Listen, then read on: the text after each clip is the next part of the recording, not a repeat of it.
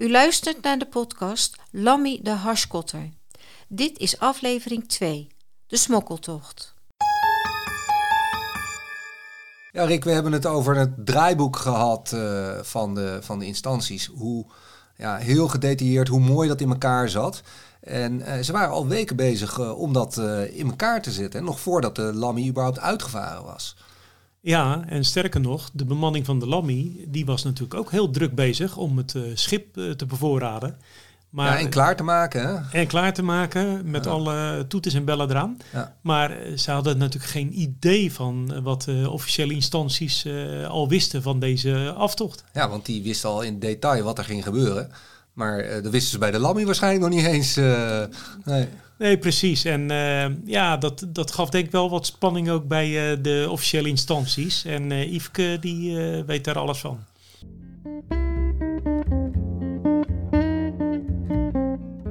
Maar er zit ook bij, die, bij alle betrokken partijen van de opsporing zit ook een soort spanning van gaat het ons lukken om deze, deze mensen in de kraag te grijpen?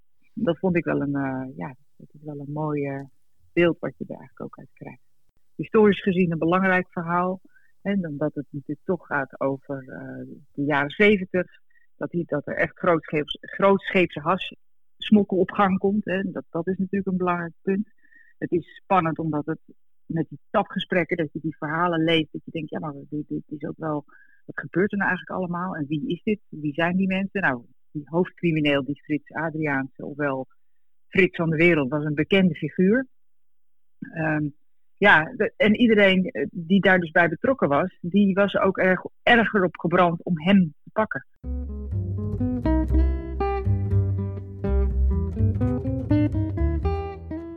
Yveske vertelt dus hoe uh, iedereen erop gebrand was om die Frits van de Wereld te, te pakken te krijgen. Uh, maar Frits van de Wereld had natuurlijk wel Doris Pompert nodig, want die moest het echte werk doen, die moest gaan varen. Uh, maar hoe Doris Pompert en Frits van de Wereld elkaar nou weer zijn tegengekomen, daar hebben we het nog niet over gehad. Uh, en dat gaat Joost van der Wegen vertellen en die leest voor uit eigen werk.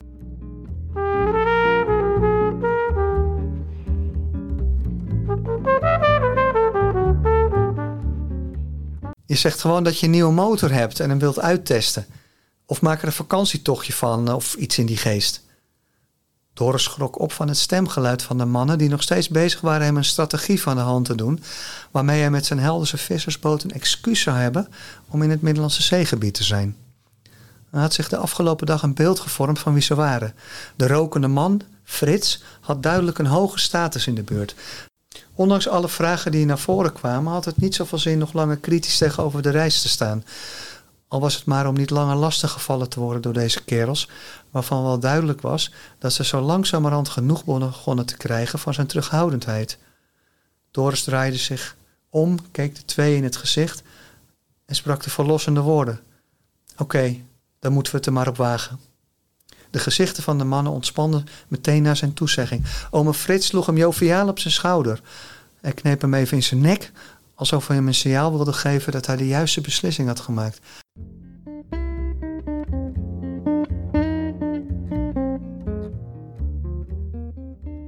Ja, Frits van de Wereld en Doris Pompet konden uiteraard niet alleen de tocht uh, volbrengen. Uh, er waren ook andere groeperingen bij betrokken.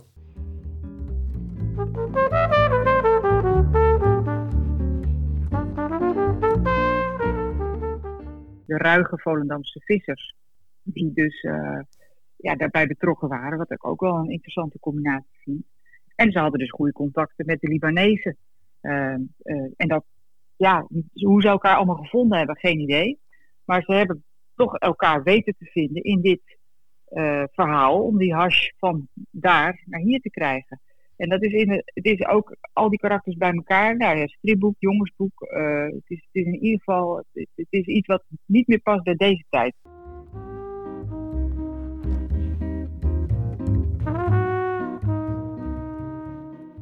Yveske heeft het uh, ook nog over een groep Volendammers. Ja, die hebben we eigenlijk nog helemaal niet uh, besproken in dit verhaal. Uh, maar die groep, ja, dat waren samen met Frits van de Wereld eigenlijk de financiers hè, van, van deze tocht. En Peter Booms, de huidige eigenaar van de Lammy, ja, die heeft daar ook nog een mooie anekdote over opgevangen. Oh ja, was die ene knul Die, reed, die in een Jensen. Dit was een glazenwasser, joh. Die reed in een Jensen. Nou, dat is god beter het heden ten dagen nog iets heel bijzonders. En die was daar glazenwasser in, uh, in Volendam en die reed ineens in een Jensen Interceptor rond. Nou, dat is toch om je te bescheuren. alsof, alsof het... Ja, dan verdien je gewoon een glazenwasser, weet je Ja,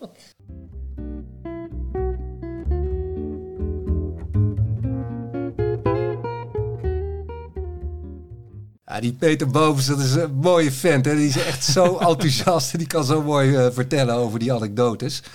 Um, ja, en eigenlijk was hij aanvankelijk helemaal niet eens geïnteresseerd in, uh, in die verhalen. Of hij kende ze ook niet natuurlijk. En uh, hij is helemaal in het verhaal gezogen en wordt er heel enthousiast over. Ja, dat vind ik echt prachtig.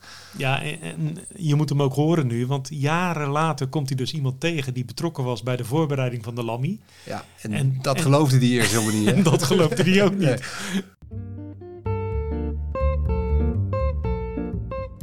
Toen, wij ja. met die, toen ik die Lammy gekocht had, lag hij, lag in de Veerhaven. Toen lagen we aan de kade aan de andere kant. Heel, dat kon je makkelijk benaderen. We waren aan het slopen aan het doen. En toen kwam er op, zaten, op een zondagochtend vroeg kwam er een heel groot motorjacht binnen. En er zat een vent op de brug en die keek zo heel nadrukkelijk in de lammy. Je zag hem echt zo, echt zo het model bekijken. Dus ik zwaaide zo. Hij zei, kom straks wel even aan boord. Ik zei, doe maar. Hij zei, dat is toch de lammy? Dat ging allemaal, en zo'n heel vet Amsterdamse accent.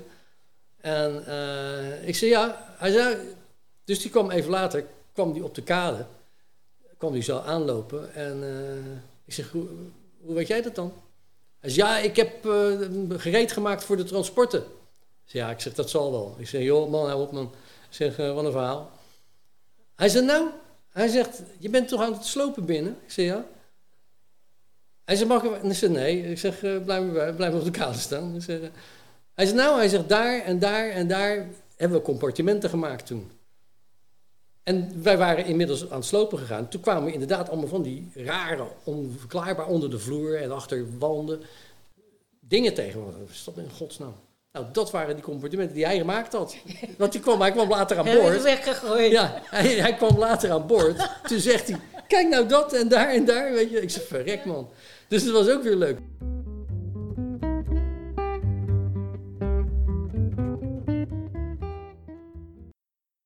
Ja, behalve het, het, het maken van die compartimenten, uh, ja, vergt zo'n toch natuurlijk meer voorbereidingen. En uh, ja, daarover vertelt Hans Zoon, een, uh, een berger van Smittak, die later in het verhaal ook nog weer eens een keer terugkomt. Eh, die vertelt over welke voorbereidingen er nog meer nodig waren. Bijvoorbeeld om in één keer van Libanon terug te varen naar Nederland.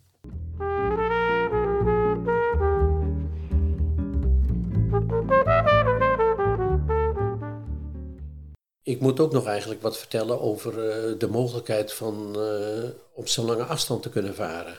Want uh, zo'n scheepje zoals de Lammy had waarschijnlijk maar 3000 liter gasolie aan boord. Twee tanken van 1500 liter. En nou zal dat scheepje gerust wel wat gebruiken. Dus, maar daar kan je niet Libanon mee halen. Dus die heeft in Den Helder een oliemaatschappij benaderd voor lege vaten.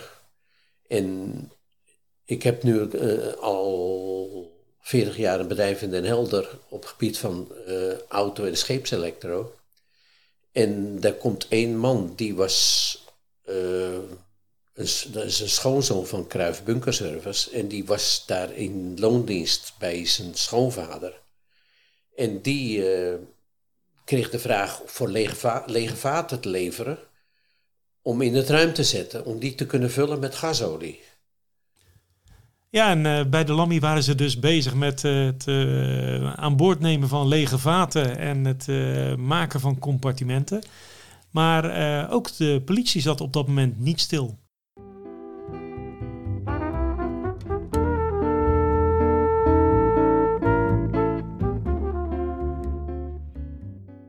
Vond die stapverslagen fascinerend. Als je dat ziet en dat dat de basis is geweest voor ja, de opsporing, in ieder geval de vangst van deze mannen, dat is gewoon echt een, een, een heel mooi inkijkje in hoe dat dan is gegaan.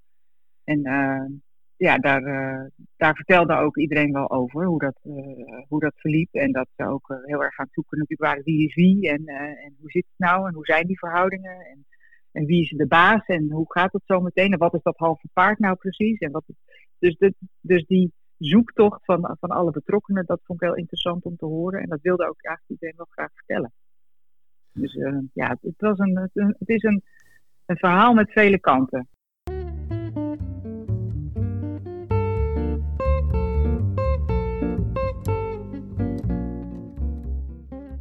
Nou, de, de voorbereidingen van alle kanten, die hebben we nu uh, uitgebreid uh, beluisterd. Ik wou nog heel even stil blijven staan bij dat tappen, want dat is eigenlijk wel echt bijzonder.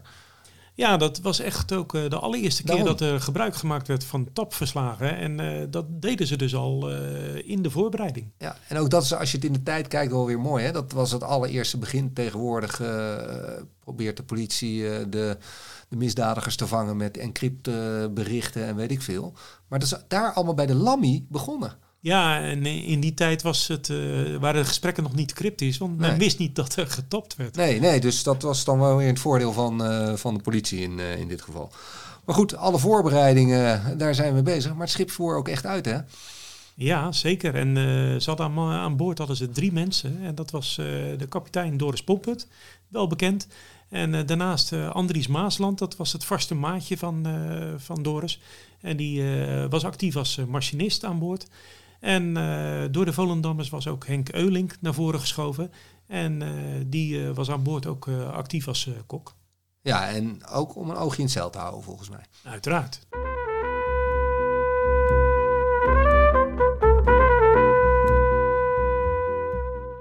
Het was natuurlijk sowieso een risicovolle trip. En ze, ze begonnen eigenlijk al in de Golf van Biscayen met...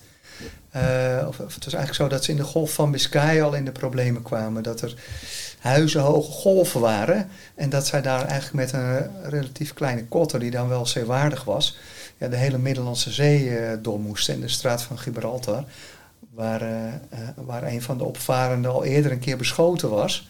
Dus je kunt je wel voorstellen dat er ook wel wat, wat spanning was.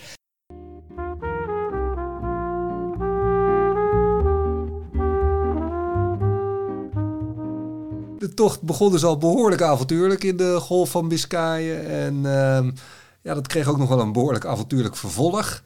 Ja, en ondertussen moest je natuurlijk ook nog even uitleggen wat zo'n bootje daar in de Middellandse Zee deed. Uh.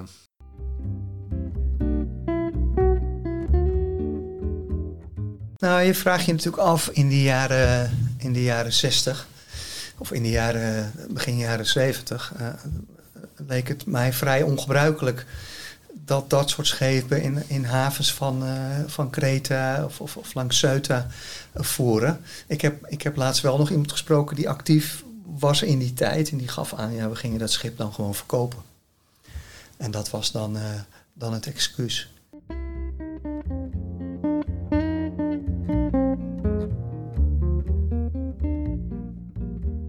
Een excuus voor een uh, viskotter in de Middellandse Zee was dus snel gemaakt. Maar ja, uh, de storm bij de Golf van Biscayen was eigenlijk nog maar kinderspel. Want uh, in de buurt van Rodos ging het echt helemaal los.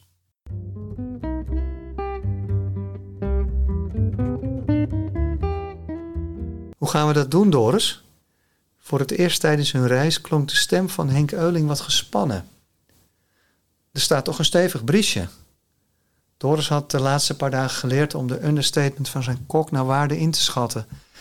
Toen ze bij Ceuta geen olie mochten bunkeren, met de oliecrisis als overduidelijke oorzaak, had Henk alleen een wenkbrauw gefronst. Een paar havens verder zouden ze vast wel weer wat brandstof kunnen scoren. En de laatste twee dagen was het alleen maar prachtig weer geweest. Ze hadden zelfs om de beurt op het dek in de zon gelegen. Gevist hoefde er niet te worden en voorlopig waren ze nog niet op de plaats van bestemming. Toch was Euling degene geweest die het vooronder, net als thuis al een keer, kort had geïnspecteerd. Om er zeker van te zijn dat hun lading daar straks droog en verborgen in kon blijven. Het gaf iets aan over de grondigheid waarmee Euling zijn werk deed. Hij liet niets aan het toeval over. Gezien de risico's die ze met deze expeditie namen, stelde dat Doris wat meer op zijn gemak. Met een man als Euling aan boord hadden ze dus een grotere kans de reis tot een goed einde te brengen. Zover was het nog niet. De Lammy was in de loop van de dag de haven van Mandraki op de noordpunt van het eiland Rodos genaderd onder slechte omstandigheden. Aan het begin van de dag had het wel mooi weer geleken, maar sinds een uur of vijf was er steeds meer wind gekomen.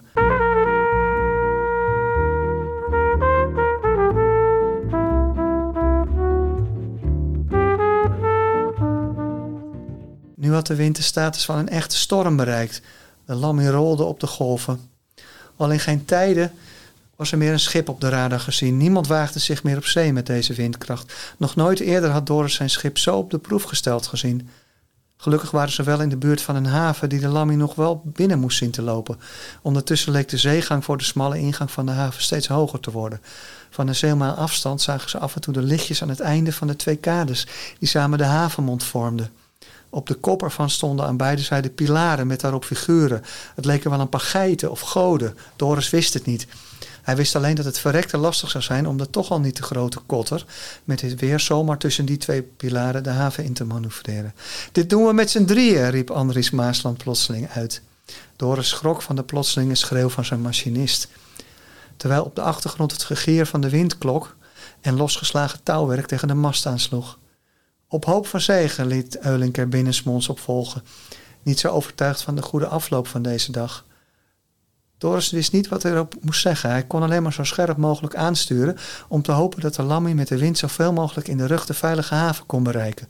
Maar dat scherpe sturen, daar lag nou net de moeilijkheid. Zijn vooroorlogse scheepje, dat in de oorlog nog in de Duitse koopvaardijvloot opgenomen was geweest, was namelijk uitgerust met een ouderwets kettingroer.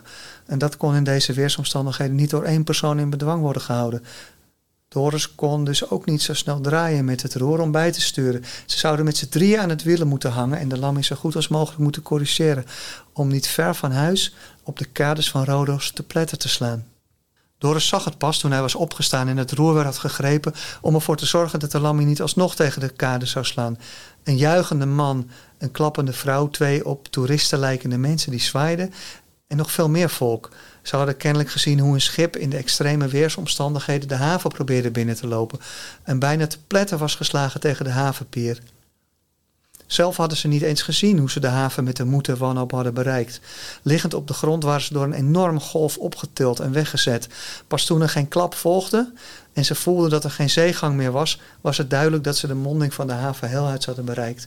Nog minutenlang hadden ze naast elkaar op het dek van de stuurhut gelegen.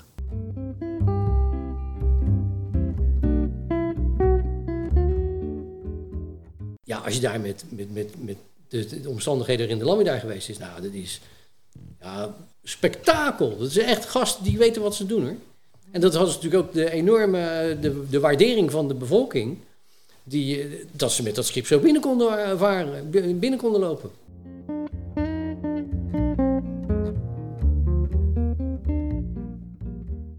De Lammy ligt dus zwaar gehavend uh, in Rodos in de haven. Uh, en dat gaf Frits van de Wereld de gelegenheid om een bezoekje aan de mannen te brengen.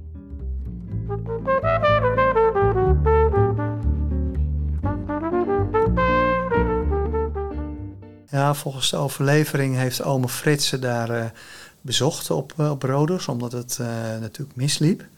En toen zijn ze teruggevlogen. En toen zijn ze eigenlijk in, in Nederland bij de douane gespot. En daar is, is gezien dat zij nou ja, daar de grens overstaken en uit die, uit die vlucht kwamen. Dus toen hadden zij op dat moment wel uh, de informatie dat ze in ieder geval nog bezig waren met, uh, met de smokkeltocht. En dat er kennelijk iets, uh, iets aan de hand was.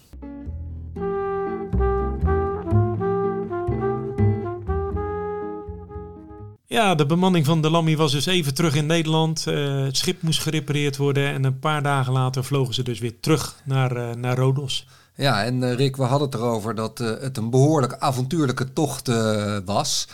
Uh, en dat avontuur was nog niet ten einde, want ook de bevoorrading liep alles behalve soepel. Precies, uh, ze zijn uh, namelijk naar Libanon gevaren en zouden daar voor de kust blijven liggen. In de buurt van een vuurtoren al daar. En ze zouden bevoorraad worden door een ander schip. Maar wat er ook gebeurde, een paar dagen lang, maar er kwam geen schip tevoorschijn. Het schip kwam niet opdagen. En dus voeren ze terug naar Rodos. En uh, ja, van daaruit zijn ze weer opnieuw naar Libanon gevaren, maar met een veranderd plan. En ja, dat is natuurlijk gecommuniceerd door Frits van de Wereld. En ze moesten nu echt aan de kade aanleggen in Libanon.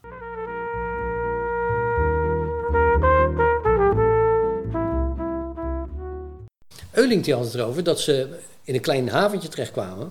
En daar was de, de politie en zelfs militaire begeleiding.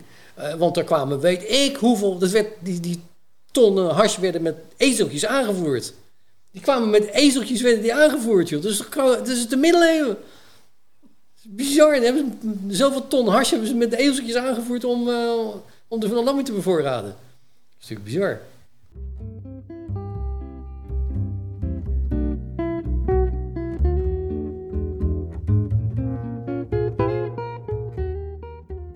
Hey Rick, dit is ook wel weer een bizar verhaal. Hè? In Nederland zit de politie en het leger achter de Lambi aan om een drugstransport te pakken. En in Libanon wordt het drugstransport bewaakt door het leger en politie om het veilig aan boord te, te krijgen. en, en, dan met 60 ezels door de stad Beirut lopen met uh, de, de pakken hars verpakt in, in zakken waarop staat kippenvoer. Ja, kippenvoer, uit, uit Libanon. Ja, ja, nou geweldig. Ja, mooi. Maar goed, eh, het werd dus aangeleverd en de leverancier, daar hebben we het nog helemaal niet over gehad. Um, maar ja, daar, is ook, eh, daar heeft Koop Boos, een voormalig verslaggever van de Panorama, zo zijn gedachten over.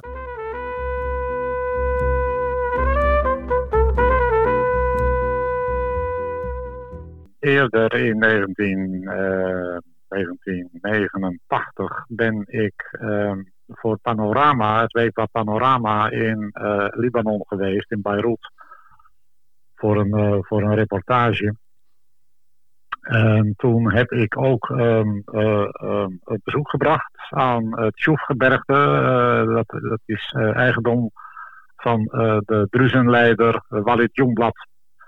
Walid Jongblad is een um, nu nog levende uh, leider van de Druzen. En die uh, had daar zijn arendsnesten in dat, in dat gebergte. En um, oké, ik heb hem geïnterviewd. En uh, ik ben gast geweest op twee van zijn, van zijn kastelen. En die man die reed mij daar zelf heen, begeleid door lijfwachten en met, met, met, met, met wapens in de auto. Want dat was allemaal blijkbaar nodig. En die vertelde mij dat hij... Um, dat hij op de hoogte was van mijn komst naar Libanon. Hij had namelijk uh, standaard de beschikking over de passagierslijsten van alle vluchten die naar, uh, die naar Libanon gingen. En uh, het hotel waar ik in woonde in Beirut was zijn eigendom. Dus hij hield mij van meet af aan in de gaten. Nou, die man die, die vertelde mij dat hij, dat hij in het bezit was van twee havens en een vliegveld. En dat uh, daar contrabande uh, werd uh, aan en afgevoerd. En hij kende mijn verhaal over de Lammy. Hij kende, hij, laat ik anders zeggen, hij kende het hele Lammy-verhaal. Daar moest hij, daar moest hij om, om, om, om, om eigenlijk daarmee gaf hij aan dat hij daarbij betrokken was. Althans, dat heb ik aangenomen. Dat heb ik hem niet gevraagd. Maar ik nam aan omdat hij uh, die link legde en, en, en uh, wist dat ik daarover geschreven had. En, en daarom moest grinniken. Dacht ik, nou, één en één is twee. Dus vandaar dat ik, uh, dat ik beweer dat Walid Jongblad een van de partijen was destijds met wie Frits van de Wereld heeft, heeft gehandeld. Dit was aflevering 2 van de podcast Lammy de Harskotter. Met plezier geluisterd naar deze aflevering? Dan is het fijn als u een positieve beoordeling wil geven. U kunt zich abonneren op deze serie via uw favoriete podcast-app. In de volgende aflevering van Lammy de Harskotter heeft hij daar een, eh, een draaggasgranaat naar binnen geschoten. En ze dachten dat die gewapend was. Jullie denken toch niet dat ik dit laat ontsnappen? Het is niet de bedoeling het leven van de drie opvarenden van de kotter in gevaar te brengen.